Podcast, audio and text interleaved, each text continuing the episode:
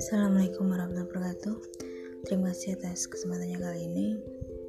Kita akan belajar mengenai uh, hukum keuangan negara. Akan saya mulai dari sejarah perkembangan hukum keuangan negara terlebih dahulu. Bahwa hukum keuangan negara itu kalau kita kaji secara historis tentunya sudah bermula pada masa pemerintahan Hindia Belanda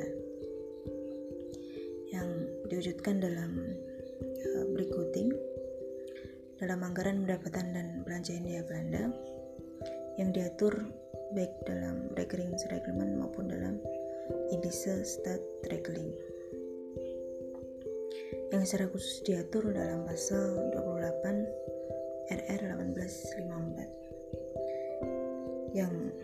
itu disebutkan bahwa Gubernur Jenderal meminta nasihat kepada Dewan Penasihat Hindia Belanda terhadap semua permasalahan kepentingan umum maupun khususnya masuk dalam anggaran umum baik uh, penerimaan maupun pengeluaran. Kemudian uh, penetapan pelaksanaan anggaran pendapatan dan belanja ini kemudian diwujudkan dalam sebuah web khusus yaitu Indonesia Accountability Tweet atau ICW 1864. Di situ di dalam pasal 2 ICW itu parlemen diberi kewenangan yang kuat dalam fungsi kontrol keuangan terhadap pengelolaan anggaran pendapatan belanja India Belanda. Di mana dalam pelaksanaannya dilakukan oleh setiap unit organisasi yang merupakan satu bagian atau afdeling yang ditetapkan dalam WED tersendiri. Nah, setelah Indonesia merdeka, landasan yuridis dari keuangan negara itu diatur dalam pasal 23 Undang-Undang Dasar 45. Itu ada 5 pasal, uh, 5 ayat ya kalau kalian cek dari ayat 1 bunyinya Anggaran pendapatan dan belanja ditetapkan tiap-tiap tahun dengan undang-undang. Yang kemudian kalau kita cek ayat limanya dalam pemeriksaan tanggung jawab keuangan negara diadakan suatu DPK ya. Hmm, kalau dalam hal yang berkaitan dengan tanggung jawab keuangan negara itu dilaksanakan oleh BPK. Dari ayat 1 pasal 23 tersebut kita bisa ambil dua unsur pokok. Yang pertama adalah unsur periodisitas dapat dari kata tiap-tiap tahun. Yang kedua adalah unsur yuridis yang dapat dilihat dari kata undang-undang.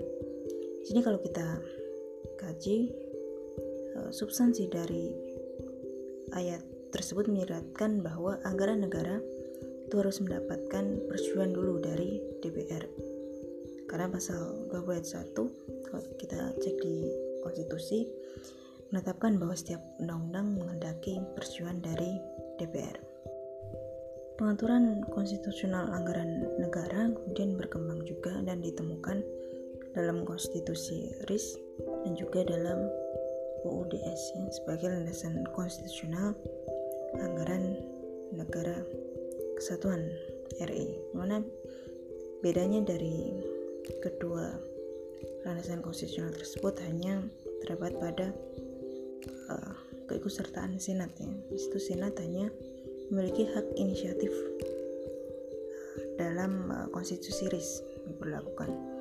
Nah setelah adanya amandemen undang-undang 45 kemudian bunyi ayatnya yang merupakan landasan konstitusional pengelolaan keuangan negara juga berubah ya. Dapat kita telaah mulai dari ayat 1 di situ disebutkan bahwa APBN itu adalah sebagai wujud dari pengelolaan keuangan negara yang ditetapkan setiap tahun dengan undang-undang. Di mana RUU-nya diusulkan oleh presiden dan dibahas bersama-sama oleh DPR dan dengan memper pertimbangkan DPD. Jika tidak jika DPR kemudian tidak setuju terhadap RAPBN yang diusulkan pemerintah, maka pemerintah menjalankan APBN tahun lalu. Nah, kalau kita balik lagi ke pasal 23 Undang-Undang 45 yang sebelum amandemen, kita dapat kaji bahwa sebenarnya pasal 23 tersebut merupakan titik awal atau starting point dari pengaturan hukum keuangan negara di Indonesia. Jadi kalau kita lihat pasal 23 itu sebenarnya memberikan konsepsi keuangan negara uh, dengan pemahaman filosofis yang tinggi terhadap kedudukan keuangan negara yang ditentukan APBN sebagai bentuk wujud kedaulatan rakyat. Jadi sebenarnya kalau kita lihat uh, dari segi filosofis, hakikat APBN ini merupakan kedaulatan yang diberikan kepada DPR. Jadi ada hak recruitingnya DPR atau hak uh, budgetingnya DPR. Jadi atas dasar konsepsi hukum karena DPR memegang kedaulatan bidang budget atau recruiting tadi, persetujuan dari DPR terhadap APBN bukan yang diusulkan pemerintah itu merupakan kuasa atau mah tiging. Konsekuensi logisnya dengan adanya mahtiging tersebut tentunya juga harus ada tanggung jawab yang diberikan kepada yang memberikan mahtiging. Ini adalah di sini ada dua pandangan mengenai pertanggungjawaban keuangan negara. Yang pertama ada pertanggungjawaban keuangan negara secara horizontal, di mana pertanggungjawaban pelaksanaan APBN itu di yang diberikan pemerintah di pertanggungjawaban kepada DPR. Yang kedua, pertanggungjawaban keuangan negara secara vertikal, di mana pertanggungjawaban keuangan yang dilakukan oleh setiap otorisator maupun koordinator? Yang pada akhirnya juga disampaikan atau berakhirnya pada presiden ya yang diwakili oleh Menteri Keuangan selaku pejabat tertinggi pemegang tunggal keuangan negara. Nah, pasal 23 Undang-Undang Dasar 45 pasca amandemen ini menurut pandangan beberapa pakar hukum itu dalam bunyi pasalnya dianggap mengandung reduksian dari segi makna filosofis ya, di mana kalau kita lihat ayat 1 tadi di situ disebutkan bahwa APBN sebagai perwujudan pengelolaan keuangan negara yang ditetapkan secara periodik setiap tahun sehingga tidak uh, dianggap tidak memenuhi segi filosofi. Karena yang pasal sebelum uh, amandemen itu APBN hakikatnya tidak hanya dipandang sebagai perwujudan pengelolaan keuangan negara tetapi juga sebagai wujud kedaulatan rakyat yang tercermin dari hak recruiting yang dimiliki oleh DPR. Itu pandangan yang pertama. Pandangan yang kedua tentang preduksian makna filosofis dari pasal 23 sebelum amandemen itu juga terkait dengan disorientasi fungsi BPK yang terlalu luas ya dianggap terlalu luas karena tidak lagi hanya ditujukan pada tanggung jawab keuangan negara tetapi melebar terhadap uh, segala arah ya yang terkait dengan pengelolaan keuangan negara. Sehingga jika terlalu luas itu juga kan tidak bagus ya, itu juga akan melemahkan span of kontrolnya kemudian uh, dianggap hanya akan mendorong ketidak uh, gunanya BPK dalam menjangkau segi strategis tanggung jawab keuangan negara. Kalau dalam konsep hukum administrasi negara, apabila dilihat dari uh, bentuk organisasinya, BPK yang tadinya organisasi negara kemudian berubah menjadi organisasi administrasi negara sehingga kedudukannya melemah hanya sebagai bagian dari unsur pemerintahan saja. Itu hanya uh, sekedar perbedaan dari uh, pemaknaan pasal 23 Undang-Undang Dasar 45 pas pasca amandemen ya. Nah, kalau kita mengkaji sistem pemerintahan negara Republik Indonesia ini menempatkan presiden sebagai penyelenggara pemerintah negara yang tertinggi ya, sekaligus juga pelaksana tertinggi dari tugas-tugas negara.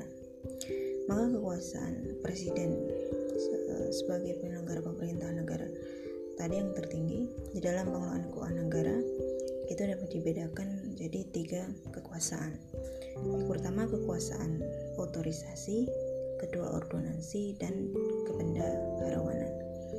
Kekuasaan otorasi itu kaitannya dengan kekuasaan dalam hal mengambil keputusan yang dapat uh, mengakibatkan atau menimbulkan akibat kekayaan negara menjadi berkurang atau bertambah. Ini dibedakan lagi menjadi umum dan khusus. Umum diwujudkan dalam uh, bentuk kekuasaan membuat peraturan yang sifatnya umum seperti menetapkan uh, undang-undang APBN dan undang-undang yang lainnya. Nah, kekuasaan otorisasi yang sifatnya umum tadi dalam melaksanakannya juga harus mendapatkan persetujuan dulu dari DPR sehingga bentuk pelaksanaan kekuasaan otorisasi itu adalah undang-undang.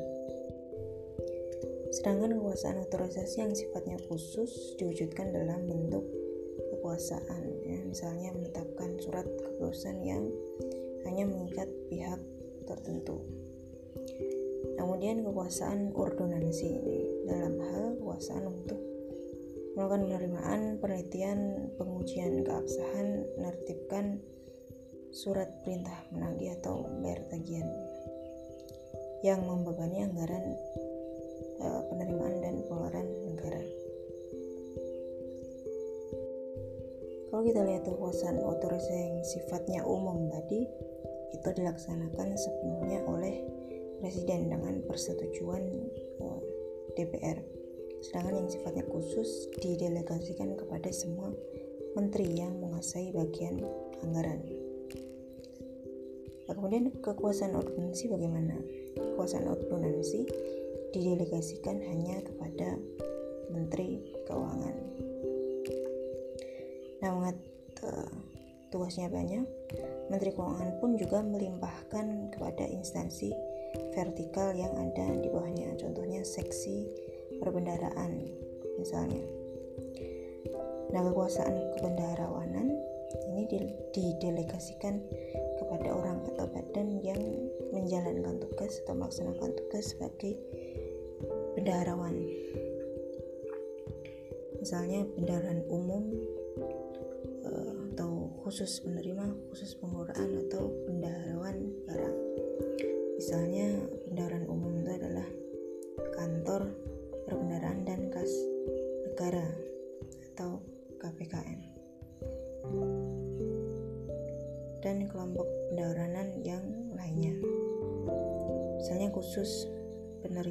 khusus menerima uang pungutan pajak dan penerimaan negara bukan pajak yang harus segera disetorkan ke kas negara Presiden juga e, melakukan pendelegasian sebagian kekuasaan otorisasi ordonansi dan kebendaharawan yang dimilikinya juga kepada kepala kepada direksi BUMN juga kepala daerah.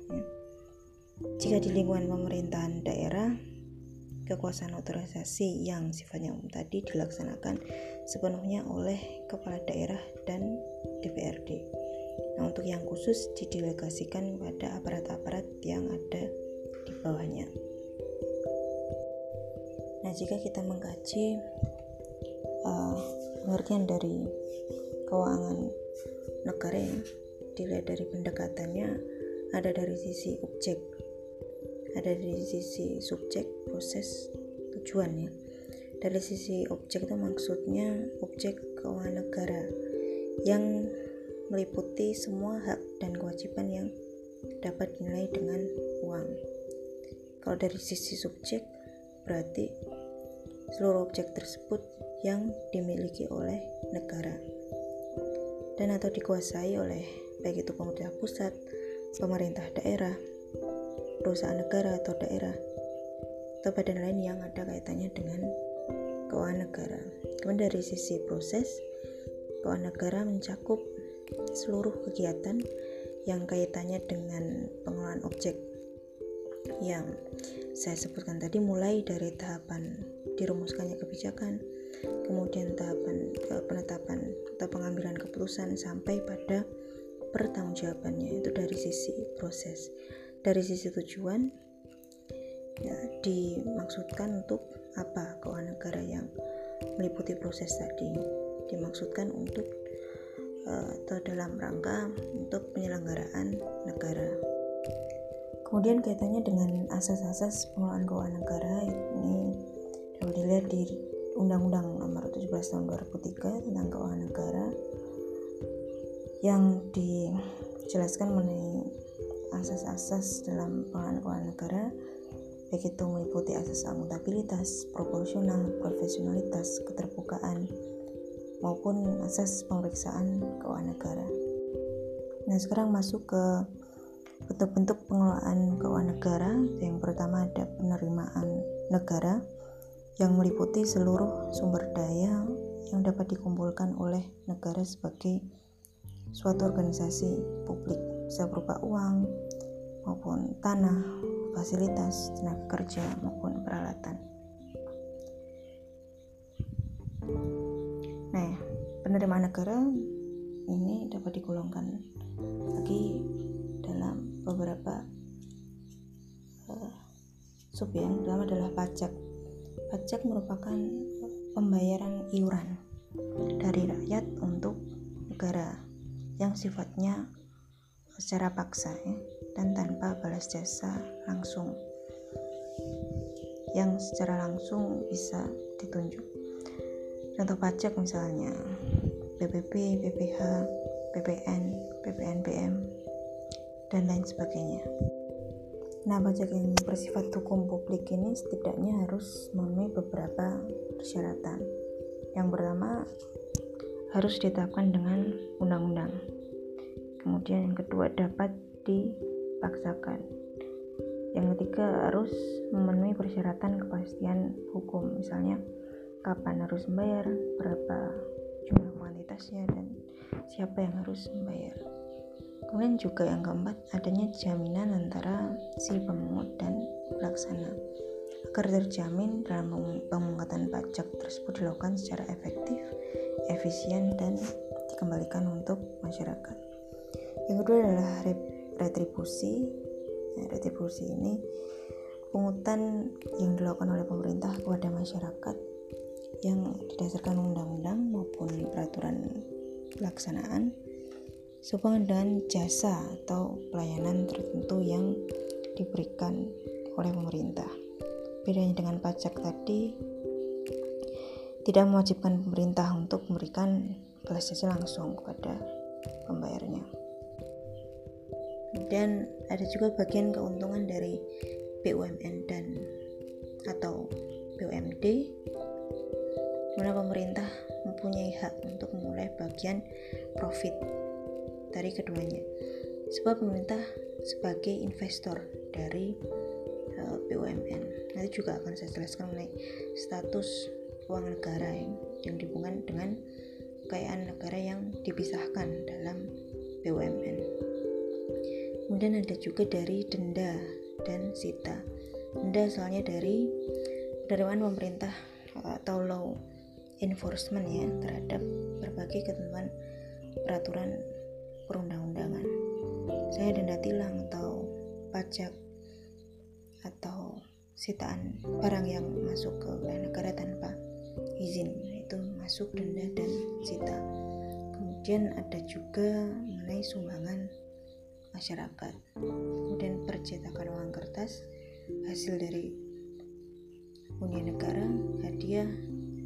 Nah kemudian yang kedua adalah pengeluaran negara yang diartikan sebagai uang atau dana yang keluar dari kas pemerintah. Dengan tujuannya untuk membiayai aktivitas pemerintah atau tujuan lain yang menjadi kewenangan pemerintah. Sifatnya uh, dapat ekshaustif ya, artinya pembelian barang dan jasa di dalam perekonomian yang dapat langsung dikonsumsi maupun juga dapat digunakan untuk menghasilkan barang yang lain. Dapat juga sifatnya transfer, artinya pemindahan uang kepada individu-individu untuk kepentingan sosial atau kepada perusahaan sebagai subsidi atau mungkin pula kepada negara-negara lainnya. Nah, pengeluaran negara ini meliputi pengeluaran rutin yang pertama, yaitu pengeluaran untuk membiayai kegiatan keseharian pemerintah. Misalnya diwujudkan dalam pengeluarannya dalam bentuk belanja pegawai, e, misalnya dalam gaji, pensiun, tunjangan beras, kemudian uang makan, kemudian belanja barang, belanja rutin daerah, bunga, dan cicilan utang, dan pengeluaran rutin lainnya. Yang kedua adalah pengeluaran pembangunan ya ini kaitannya untuk mendukung tugas-tugas pemerintah sebagai salah satu pelaku pembangunan misalnya dalam pembangunan jalan, jembatan, gedung, dapat juga dapat pula uh, dalam proyek-proyek non fisik seperti pendidikan, pelatihan, penataran dan sebagainya. Ini dibagi lagi menjadi pembiayaan rupiah kemudian pengeluaran transfer itu bisa dari bantuan pembangunan daerah ya dana untuk menambah APBD dalam pembangunan daerah kemudian bisa dalam bentuk penyertaan modal pemerintah uh, dalam bentuk pengeluaran APBN untuk menambah equity dari perusahaan tertentu kemudian subsidi diberikan melalui BUMN maupun perbankan ini misalnya pengeluaran APBN untuk subsidi pupuk atau subsidi benih. Samping uh, subsidi tersebut yang dapat dikategorikan sebagai subsidi harga juga ada juga subsidi bunga. Yang tujuannya adalah melindungi para peminjam yang umumnya adalah masyarakatnya bisa dalam bentuk untuk membantu pengembangan usaha, misalnya dalam usaha KMKP atau KIK dan sebagainya. Kemudian pengeluaran negara yang dipinjamkan lagi kepada perusahaan atau digunakan dalam pembiayaan proyek-proyek. Kemudian ada juga piutang. Piutang ini adalah jumlah uang yang wajib dibayar kepada pemerintah pusat yang merupakan hak pemerintah pusat yang dapat dinilai dengan uang sebagai akibat perjanjian atau akibat lainnya yang disasarkan pada peraturan perundang-undangan yang berlaku. Misalnya, uh, di mana pemerintah pusat memberikan pinjaman atau hibah kepada pemerintah daerah, BUMN atau BUMD. Itu ada piutangnya. Penyelesaian piutang negara yang timbul sebagai akibat hubungan keperdataan bisa dilakukan melalui perdamaian. Nah, dalam hal penyelesaian piutang negara sebagai bagian piutang yang tidak disepakati, yaitu selisih antara jumlah tagihan piutang menurut pemerintah dan kewajiban yang diakui oleh debitur, maka penetapannya bisa dari Menteri Keuangan, bisa dari Presiden, tergantung jumlah nominalnya jumlah bagian piutang negara yang tidak disepakati. Kemudian yang terakhir ada juga utang.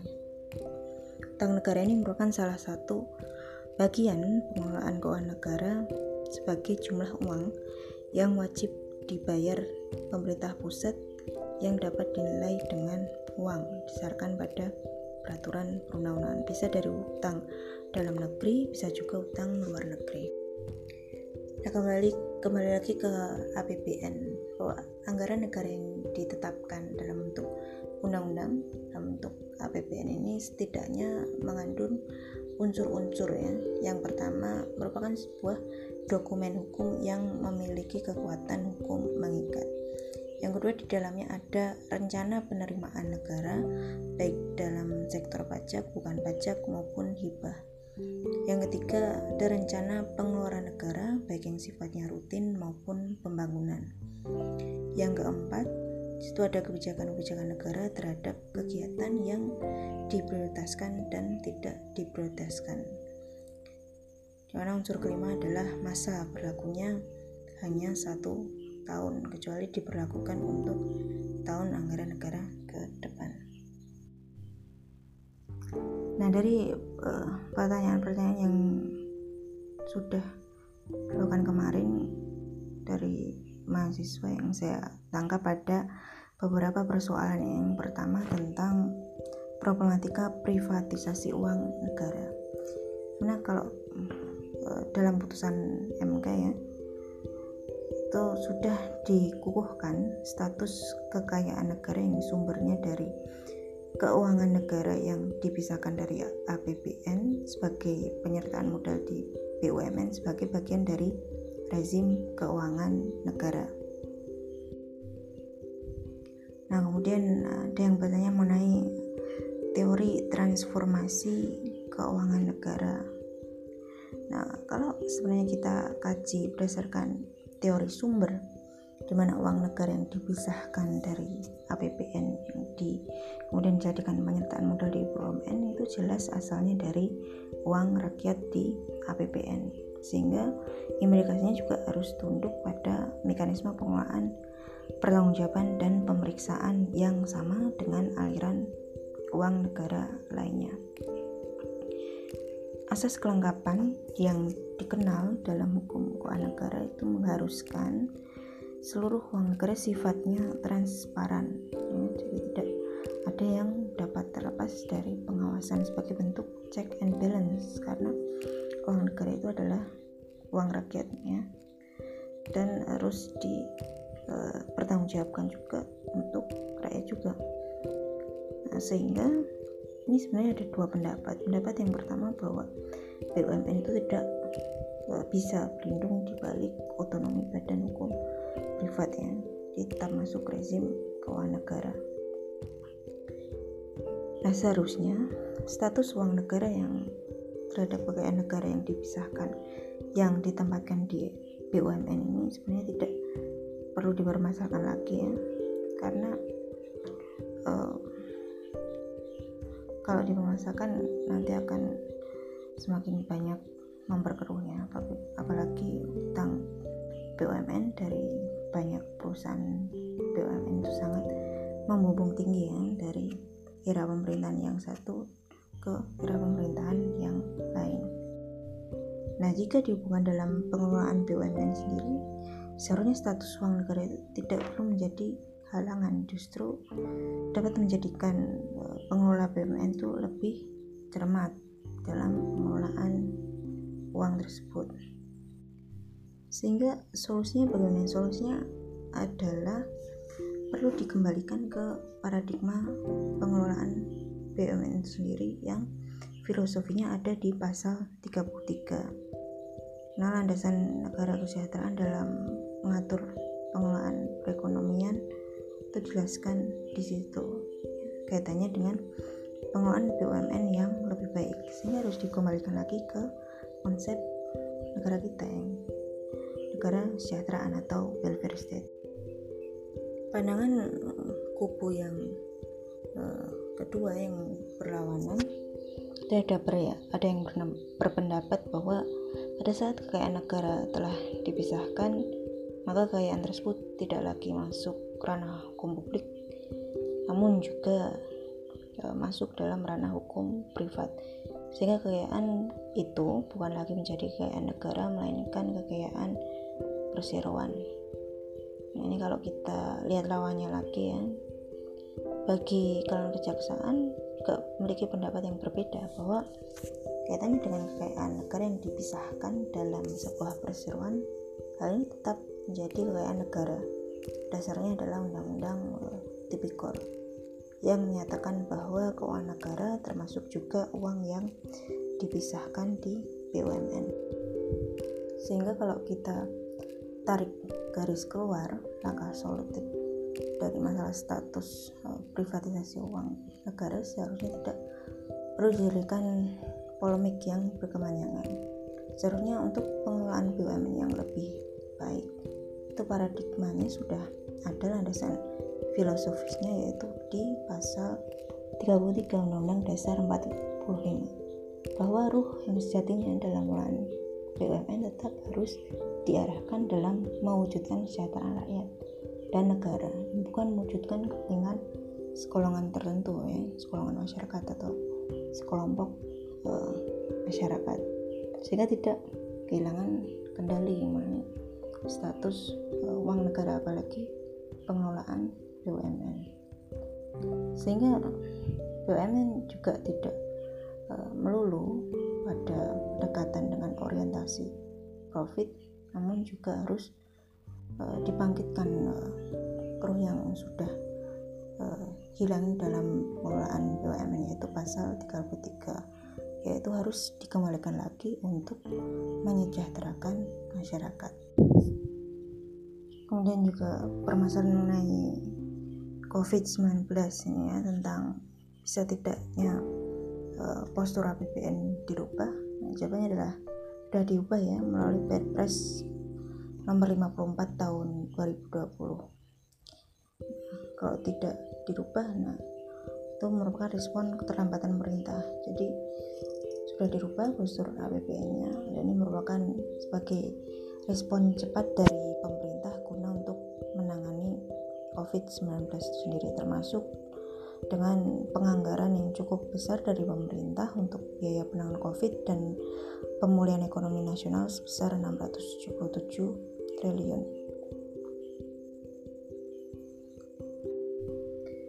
Walaupun konsekuensi lain dari penambahan anggaran itu juga peningkatan defisit ya dari yang sebelumnya hanya 5,07 persen ke arah 6,34 persen.